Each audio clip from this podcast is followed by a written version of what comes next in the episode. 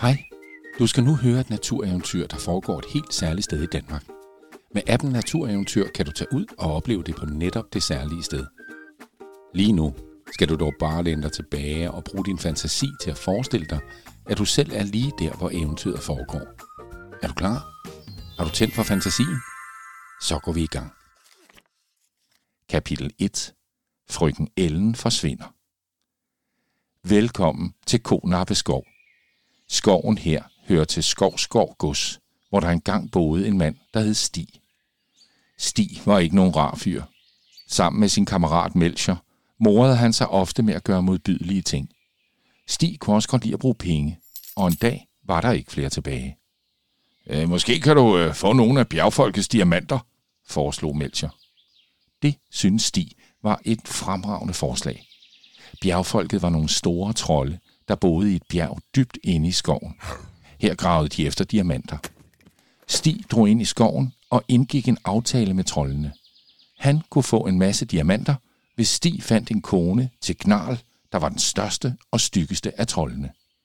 Du kan da få min søster, frøken Ellen, sagde Stig, og så gav han trolden hånden.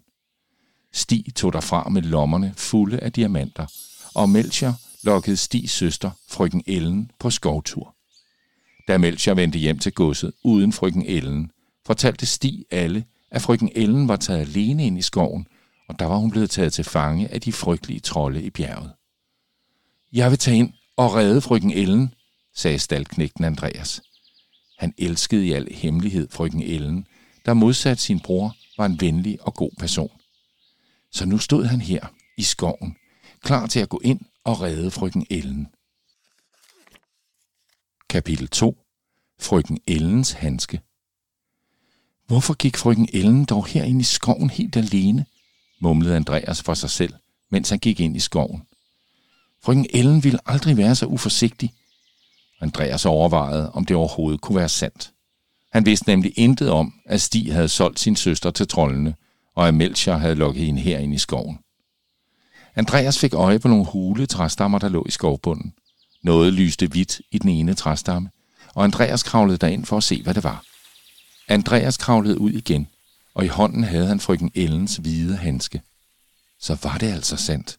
Hun havde altså været lige her. Andreas anede ikke, hvor i skoven det store bjerg lå, men han måtte forsøge at finde det. Kapitel 3. En fælde i skoven. Andreas kom nu til en lille bro over en grøft. Foran broen lå der et par store sten. Andreas vidste, at de store, grufulde trolde sommetider kastede med store sten, hvis de blev vrede. Til sin lettelse kunne Andreas ikke se spor efter troldehænder på de to sten. Han skulle lige til at gå videre, da han hørte en gren knække bag sig. Andreas snorede rundt med hjertet i halsen, men det var ikke en trold, der stod bag ham. Det var en rev, og den så slet ikke ud til at være bange for ham. Du skal passe på. Trollene har sat fælder op i hele skoven, sagde reven, og Andreas måbede. Han havde aldrig hørt et dyr tale til ham før. Hvem er du? spurgte Andreas. Jeg hedder Rev Ingolf, sagde reven. Hvad laver du herude i skoven? Andreas fortalte, at han var på vej ind for at redde frøken Ellen, som blev holdt fanget af trollene inde i det store bjerg. Det lyder som et eventyr. Det er lige noget for mig. Kom med, sagde Rev Ingolf. Men, men træd ikke på det midterste bræt på broen, så brænder den sammen, og du bliver fanget i grøften. Rev Ingolf sprang elegant over midten af broen, og Andreas fulgte efter. Kapitel 4. Skibssætningen og den gamle høvding. Er det også troldenes værk? spurgte Andreas bekymret og stansede op. I skovbunden lå en masse store sten i en rundkreds. Det lignede lidt omridset af et skib. Nej, det er Gunners skib. I bronzealderen var han en stor høvding, sagde Rev Ingolf, og nikkede hen mod en mand, der sad på en af stenene. Han havde en kappe om skuldrene og et tungt svær i sit bælte. Hvad er det for et rand af unge mennesker, der er herinde i skoven? spurgte Gunnar irriteret og rejste sig op. Har du set frøken Ellen? spurgte Andreas ivrigt. Så du, hvor hun gik hen? Rev Ingolf forklarede Gunnar, at Andreas ledte efter frøken Ellen, som skulle være blevet taget til fange af trollene inde i bjerget. Jeg kan måske vise dig, hvor din frøken gik hen. Men først må du hjælpe mig med at tælle stenene i mit skib. Jeg tror nemlig, at der mangler en, og derfor kan skibet ikke sejle mig til dødsriget. Andreas nikkede og begyndte straks at tælle stenene. Da Andreas havde talt stenene, nikkede Gunnar og gned sit skæg. Der manglede en sten. Nå, følg med mig. Din frøken gik denne vej, sagde Gunnar, og så fortsatte de ind i skoven. Kapitel 5 Sandheden om frøken Ellens forsvinden. De gik over to broer, og da de var kommet over den sidste bro, stoppede Gunnar op. Lige her stoppede din frøken op. Hun ville gerne hjem. Jeg tror, hun var lidt bange for den unge mand, sagde Gunnar, og Andreas rynkede brynene. Hvilken ung mand? spurgte han. Stig havde jo sagt, at frøken Ellen var gået ind i skoven helt alene. Ja, sådan en mørkhåret fyr med et ar på den ene kind, sagde Gunnar, og Andreas blev bleg. Det kunne kun være Melcher, Stis modbydelige kammerat, som havde et langt rødt ar på den ene kind. Så gik sandheden op for ham, og det føltes som om, at is spredte sig i hans åre. Frøken Ellen var ikke gået ind i skoven på egen hånd. Hun var blevet lokket i en fælde. Melcher, det er bedst, råbte Andreas vredt, knyttede næverne og sparkede, så bladene fløj rundt i skovbunden. Hvor gik de så hen? Spurgte Andreas sammenbit, men Gunnar trak på skuldrene. Det ved jeg ikke, men hvis trollene har hende, så skal du finde bjerget. Reven og jeg kan da godt følges med dig. Så kan vi også lige kigge efter den sten, jeg mangler i mit skib. Vi skal op over bakken, sagde Rev Ingolf, og så fortsatte de. Kapitel 6. Den hellige sten. Er det den sten, du mangler? spurgte Andreas og pegede på en stor sten, der lå i skovbunden på toppen af bakken. Gunnar sank på knæ foran stenen og børstede nogle visne blade væk. Det er den hellige sten, mumlede han. Jeg har været med til at lave de her, sagde Gunnar og rørte ved nogle skålformede fordybninger i den store sten. Hvad betyder de? spurgte Andreas og kiggede nysgerrigt på de skålformede tegn på stenen. Det er hellige tegn, som vi lavede til vores guder, sagde Gunnar. Hvordan vil du få den store sten ned til dit skib? spurgte Rev Ingolf og kiggede rundt om stenen. Aner det ikke, sagde Gunnar og slog opgivende ud med armene. Han satte sig tungt ned på stenen med hovedet i hånden, og så forsvandt han ud i den blå luft. Andreas kiggede forundret på Rev Ingolf. Jeg tror, at den hellige sten netop har bragt Gunnar til dødsriget, sagde Rev Ingolf med et grin. Nå, men vi to skal finde din frøken. Vi er tæt på bjerget nu. Kom med mig. Andreas fulgte med Rev Ingolf ned ad bakken. Kapitel 7. Ellens bjerg. Der er bjerget, sagde Rev Ingolf og nikkede med sin sorte snude mod et enormt bjerg, der rejste sig mellem de høje træer. Andreas sank en klump. Hvordan skulle han komme derind? Jeg lokker troldene ud på den anden side af bjerget, og imens så må du kalde på frøken Ellen og få hende til at gå ud fra bjerget. Du finder aldrig en vej ind, sagde Rev Ingolf, og susede så afsted med sænket hale ind mellem træerne. Kort efter kunne Andreas høre Rev Ingolf bjeffe højt på den anden side af bjerget. Kan du prøve at sige som Rev Ingolf? En rev har mange lyde, men man hører den sjældent. Den kan sige lidt som en lille hund, der gør højt. Det rumlede nu inden fra bjerget, og jorden begyndte at ryste under Andreas' fødder. Andreas kunne høre troldenes høje brøl på den modsatte side af bjerget. Han sneg sig helt hen til bjerget og kaldte højt på frøken Ellen. Da Andreas havde kaldt et par gange, så han en lille hånd med en hvid handske på, mellem bladene på bjergets skråning. Det var helt sikkert frøken Ellen.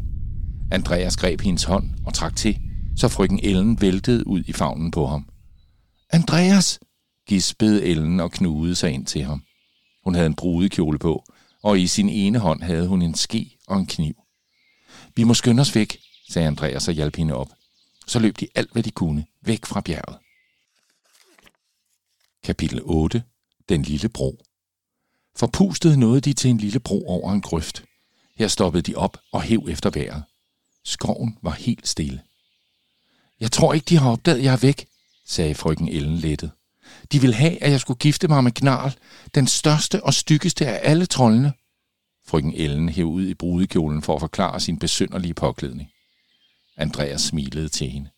Selvom hun var beskidt, havde rodet hår og var iført den mærkelige brudekjole, så syntes han, at hun var smukkere end nogensinde. Frøken Ellen blev rosa i kinderne, og kiggede genert ned på sine bare fødder. Hendes sko havde en af troldebørnene fået til sine dukker. Lad os finde ud herfra, sagde Andreas og tog hendes hånd igen.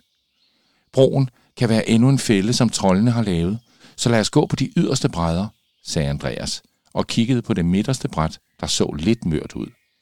Frygten Ellen nikkede, og sammen balancerede de over broen og fortsatte gennem skoven. Kapitel 9. Rev Ingolf vender tilbage. Andreas og frøken Ellen kom nu op til en bred grusvej. Nu vidste Andreas, hvor de var.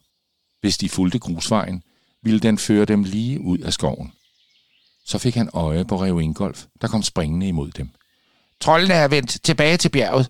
Der går ikke længe, før de opdager, at frøken Ellen er sluppet fri. I må skynde jer ud af skoven, sagde Rev Ingolf. Andreas og frøken Ellen nikkede, men inden de nåede at fortsætte, lød der et øre rivende brøl inden fra skoven. Træerne skælvede, så bladene faldt af og dalede ned i skovbunden. Det er knarl, gispede frøken Ellen. Han har opdaget, at jeg er forsvundet.